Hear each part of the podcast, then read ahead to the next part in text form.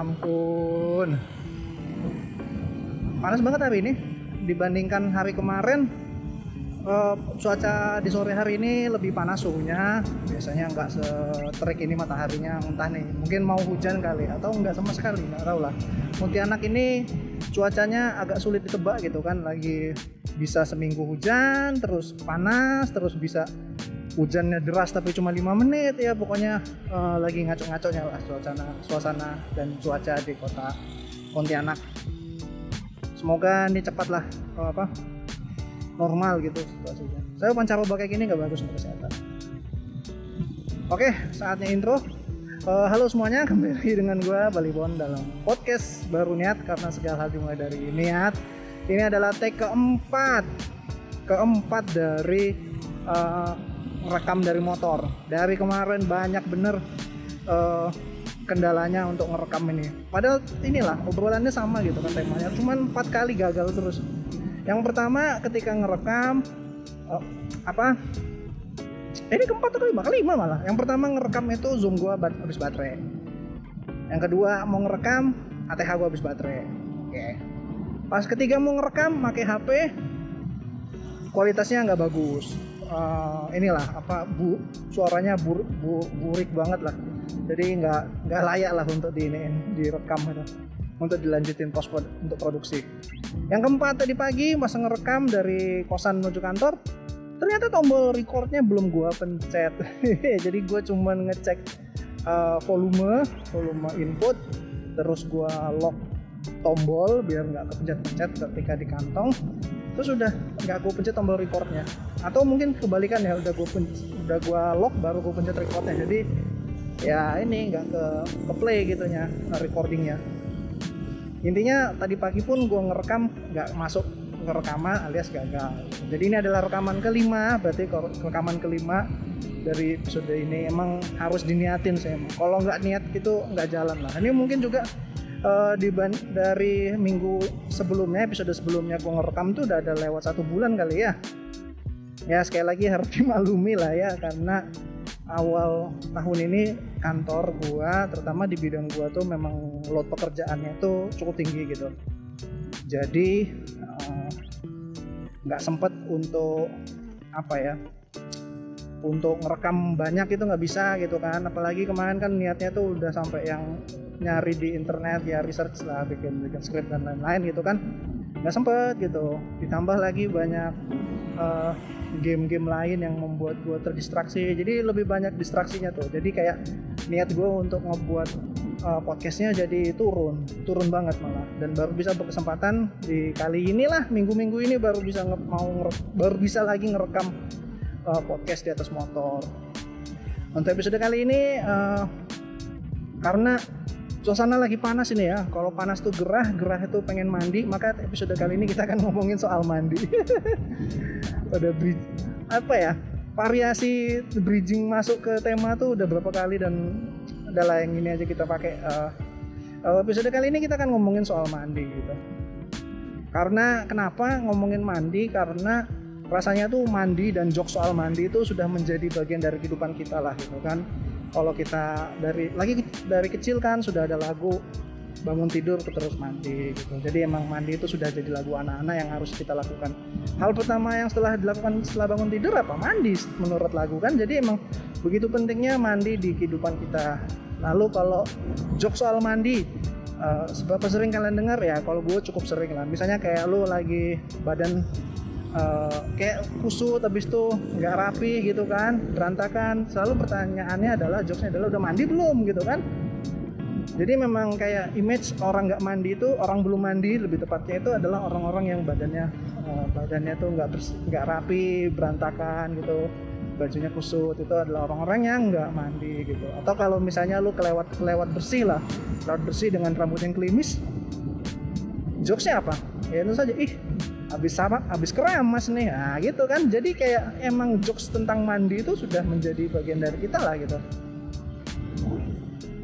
Kayak istilah-istilah mandi kucing, mandi koboi dan lain-lain itu. Jadi kayak oh, yang namanya mandi itu kayak bukan hal yang aneh lah di kita. Dan hanya kayaknya cuma di Indonesia aja tuh yang mandinya itu sering dalam artian dua kali sehari bisa lebih gantung orangnya. Sementara kalau di luar negeri kan yang namanya mandi itu satu kali sehari aja gitu. Beda kayak kita yang mandi dua kali udah dua kali ngabisin air lagi kan pakai mandi di bak bisa habis setengah bak untuk satu orang gitu kan. Jebar jebir jebar jebir gitu kan. Kalau di luar negeri kan nggak seperti itu. Kalau kita misalnya nih eh, ngomongin di Jepang lah misalnya. Uh, ini berdasarkan dari ini ya dari bahan yang bahan media yang gua tonton dan gua konsumsi ya. Misalnya kayak Netflix atau dari drama atau toko atau anime. Itu selalu digambarkan tokoh utamanya itu kalau pagi hari itu dia hanya cuci muka, sikat gigi, sama basahin rambut, kayak gitu doang. Kadang ya parfuman terus pakai baju, pakai baju terus berangkat ke kantor, ke sekolah. Gak ada yang namanya tuh mandi pagi. Kalau kita harus mandi dulu, oh, baru kita uh, pakai parfum biar wangi, habis itu pakai uh, apa itu minyak rambut, pomade dan lain-lain gitu supaya rambut kita rapi dan tertata gitu.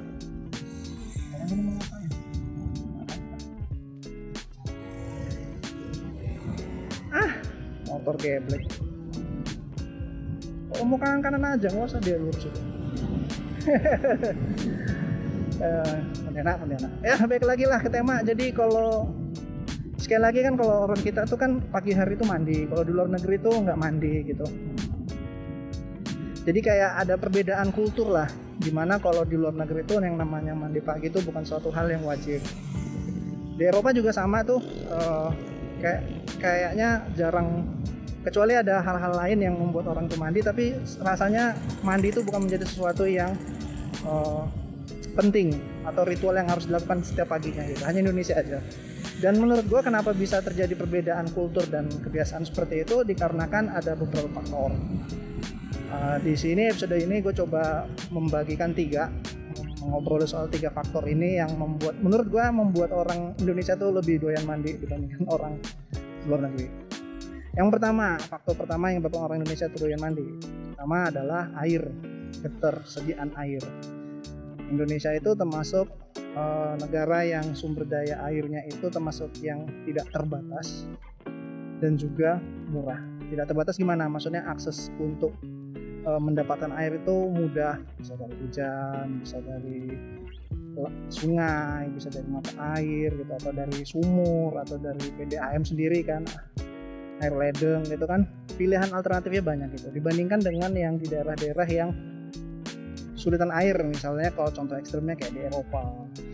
Itu di yang di mana eh, Eropa di Afrika yang di mana air itu sangat langka gitu. Dan juga kan air itu uh, di Indonesia ini termasuk murah. Jadi seperti gue bilang uh, mendapatkan yang murah. Karena apa? Karena harga per meter kubiknya itu cukup ya nggak mahal lah gitu jadi kayak yang namanya mandi itu bukan sesuatu hal yang memboros yang membuang-buang uang gitu. Kalau di luar negeri kayak misalnya di Jepang lah di Jepang dan di Eropa Amerika negara-negara maju air bukannya terbatas ya tapi air itu adalah sumber daya yang dibayar dan dengan mungkin biaya juga cukup tinggi gitu. Jadi yang namanya air itu harus dihemat gitu harus hemat air gitu sementara kan kalau kita kan lebih mudah tuh air itu aja bahkan dibuang-buang. Keran bak keran dibuka di bak dibiarin alir meluap gitu kan. Sampai gimana lupa matiin keran. Kan sering terjadi itu kita tuh. Ya itu dianggap karena air tuh ya sesuatu sumber daya yang murah gitu murah dan gampang didapat. Jadi ya tidak perlu uh, khawatir kalau misalnya uh, kita melakukan kegiatan yang membuang-buang membuang-buang air atau memakai air dalam jumlah yang sangat banyak gitu. Nggak perlu khawatir seperti itu. Nah kalau di di luar negeri di Jepang dan Amerika Eropa kan enggak gitu. Air tuh bayar pakai tap waternya itu kan. Jadi ya harus di inilah harus bisa dihemat dan dimanfaatkan sebaik-baiknya. Nggak beda sama Indonesia. Karena air kita banyak gitu loh. Bahkan kayak kalau beli lagi musim air musim kesulitan lagi kemarau itu sulit air ketika membeli air rasanya juga nggak termasuk yang sangat mahal ya gitu. Mungkin satu berapa berapa ratus mili kubik berapa ratus meter kubik air itu berapa harganya gitu. Nggak nggak yang sangat mahal seperti harga BBM gitu kan yang seliternya aja 8000 gitu kayak Pertamax gitu. Makanya kan kalau misalnya aqua bukan aqua air air air biasa aja satu satu satu liternya adalah 8000 gue pikir orang nggak bakalan mandi lah paling cuma cuci muka aja gitu sangat langka gitu. Sama kayak juga kayak di daerah gunung gitu daerah gunung yang daerah gunung terpencil yang air itu susah harga harga air tuh mahal orang jadi jarang mandi kan. Jadi karena pertama airnya sendiri di Indonesia itu emang cukup murah dan gampang didapat makanya orang itu orang Indonesia tuh mandi. Nggak seperti di Eropa atau di Jepang lalu kedua eh, faktor yang menyebabkan orang Indonesia itu mandi tentu saja adalah suhu. Indonesia itu panas, apalagi daerah uh, Katulistiwa kayak Pontianak ini. Panasnya luar biasa. malam hari sama siang hari itu bedanya cuma gelap doang, tapi panasnya tetap nggak ada turun-turunnya. Jadi karena panas, orang kita tuh kan berkeringat gitu kan. Karena berkeringat, jadi ya lengket karena lengket uh, dan juga bau gitu kan. Dan kalau memulai hari awal hari sudah bau gitu kan jadi nggak ini kayak nggak nggak bersih gitu kan. Nggak semangat jadinya. Makanya orang Indonesia itu kalau pagi mandi. Kenapa kenapa orang luar negeri itu nggak mandi? Yang pertama uh, mungkin ada mindset di mana mandi di pagi hari itu kayak mubazir gitu loh. Maksudnya kan dia terakhir mandi itu jam 6 sore. Anggaplah jam 6 sore dan aktivitas utama selama 12 jam itu kan sampai kita bangun pagi itu kan tidur di mana itu aktivitas yang tidak banyak mengeluarkan energi dan tidak berkeringat gitu kan. Jadi nggak bau gitu. Jadi kalau nggak bau ngapain mandi gitu. Jadi karena itulah uh, orang tuh jadi males mandi. Ditambah kan uh, di luar negeri uh, apalagi daerah-daerah negara subtropis yang musim dinginnya itu adalah setengah tahun musim musim gugur dan musim salju tentu saja. Itu uh, yang namanya kebiasaan mandi jadi makin ini lah makin mandi pagi itu makin males aja gitu. Di pagi hari dingin gitu kan mau mandi aja males. Kita aja kalau misalnya suhu lagi dingin kita juga nggak apa males mandi kan mau menunda mandi kita menunda waktu kita untuk mandi itu. Karena ya udah terlalu dingin ya ngapain mandi gitu jadi sakit malah kan. Nah itu yang membuat uh, orang orang luar tuh nggak pengen mandi. Bukan nggak pengen mandi ya nggak biasa mandi pagi gitu. Rasa rasanya kalau kita misalnya tinggal di daerah yang setengah tahunnya adalah cuacanya dingin dan emang nggak memungkinkan atau malah membahayakan untuk mandi pagi ya orang tuh jadi males gitu kan. Ujung-ujungnya kalau udah terbiasa dari turun temurun tahun ke tahun seperti itu kejadiannya ya ujung-ujungnya orang akan tidak mandi. Seperti itu. Ya coba ya di gunung itu kan kamu di orang pantai tiba-tiba di gunung nanti tiba-tiba pasti akan inilah yang namanya mandi itu jadi jarang itu karena udah terlalu dingin. Dan juga kalau ngomongin soal dingin kan gini uh, but kita kan harus uh, mandi air panas gitu kan. Kalau maksudnya dengan air hangat untuk meng menghalau rasa dingin itu kan. Nah kadang-kadang itu kalau yang namanya uh, menghangatkan air itu kan nggak semua orang bisa dan mudah untuk mendapatkannya. Pertama pakai gas. Kalau di Jepang kan berarti kalau misalnya di luar negeri kan berarti menghangatkan itu pakai pemanas air. Pemanas air itu bisa yang pakai listrik atau yang gas gitu kan. Itu berarti biaya lagi. Biaya lagi untuk mengeluarkan uh, energi untuk menghangatkan air itu udah airnya bayar listriknya bayar atau pemanas airnya bayar itu double udah.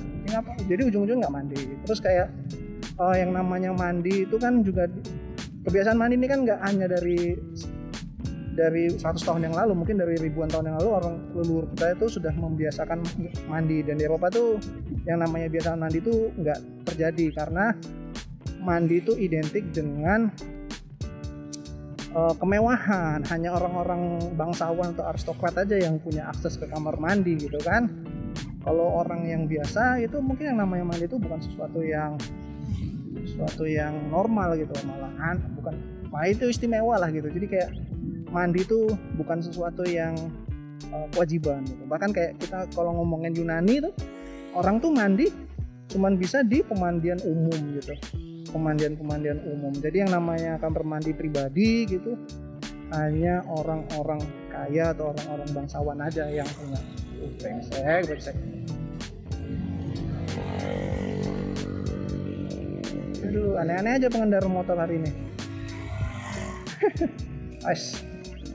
Nah, karena kebiasaan dari dulu tuh apa ya, mandi itu adalah kemewahan, jadinya bukan jadi kewajiban, makanya ya ujung-ujungnya di luar di kita itu atau tepatnya di luar, di luar negeri itu mandi itu bukan jadi hal yang biasa gitu.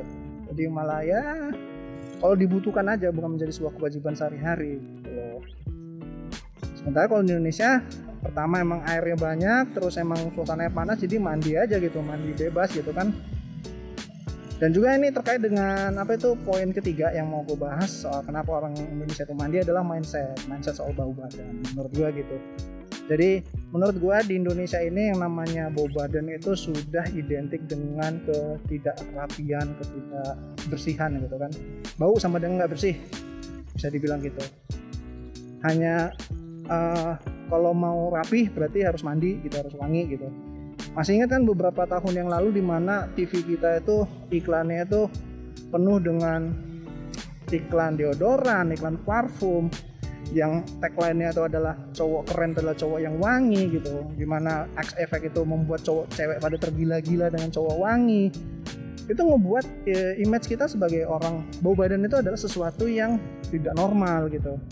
Meskipun dibilang bau badan itu alami, natural, tetap aja uh, dengan bantuan media tadi image tersebut hilang dan jatuhnya jadinya adalah orang itu kalau mau mau melakukan aktivitas itu harus wangi dulu harus harus rapi dulu gitu kan. Sama juga kayak deodoran kan uh keteknya basah nih keteknya basah bau gitu. Aduh ini sesuatu hal yang yang blasphemy atau hal yang harusnya tidak terjadi gitu. Masa cantik-cantik bau gitu? Nah itu tuh uh, salah satu cerita dari supir taksi waktu itu gue naik taksi dari bandara gitu kan cerita dulu pernah nganter bule gitu kan dari dari mana ya dari Eropa seingat gue dia cerita tuh ceweknya tuh uh, cantik cuman badannya tuh bau gitu kalau di sana kan kayaknya yang namanya bau itu adalah hal yang biasa. Kita orang sana lebih bisa mentolerir bau badan gitu. Karena sifatnya ya natural gitu. Maksudnya emang emang alami aja bau badan itu kan. Jadi ya nggak perlu di nggak perlu yang harus di bener-bener dihilangkan gitu. Kalau kita kan enggak uh, norma-norma atau kebiasaan-kebiasaan kita uh, membuat orang yang bau badan itu adalah sesuatu yang tidak baik gitu. Jadi ya lu kalau mau bener lu mau mau beraktivitas ya harus ini harus mandi dulu gitu kan biar wangi biar diterima gitu kan kalau misalnya lagi ngumpul juga lu bakalan dikomentarin tuh dicibirin kalau misalnya lu bau badan gitu. Jadi uh, faktor ketiga ini menurut gue juga menjadi pengaruh uh, menjadi pengaruh yang signifikan nih kenapa orang itu mandi gitu kenapa orang Indonesia itu mandi. Kalau kalau kita hubungkan sama yang faktor satu faktor dua karena panas bau karena bau nggak mungkin ke ke mana-mana malu gitu kan harus harus wangi harus rapi jadi mandi. Air itu murah ya udah mandi aja gitu. jadi uh, dari ketiga faktor itu yang menyebabkan orang Indonesia itu lebih sering mandi atau mandi dua kali sehari dibandingkan sama orang-orang di luar negeri yang satu kali sehari aja mandinya. Kira gitu. Uh, penyebabnya. Dan ini adalah rekaman kelima jadi gue udah uh, udah hampir bosen nih ngomongin soal mandi ini. Mungkin episode yang lain akan di upload di minggu ini juga kali semoga bisa rekaman lagi semoga ada waktu dan bisa menyelesaikan dengan tepat waktu ini bisa diedit dengan cepat dan baik. Oke mungkin. Oke mungkin itu dulu dari gua. Uh, akhirnya bisa ngerekam lagi podcast. Semoga ke depannya bisa lebih konsisten ngerekamnya dengan tema-tema yang ya mungkin menarik untuk dibahas gitu. Dan juga untuk mengisi waktu luang selama perjalanan dari kosan ke kantor atau seperti oke itu dulu dari gue gue pamit. Gue dari dari podcast niat gue undur sampai jumpa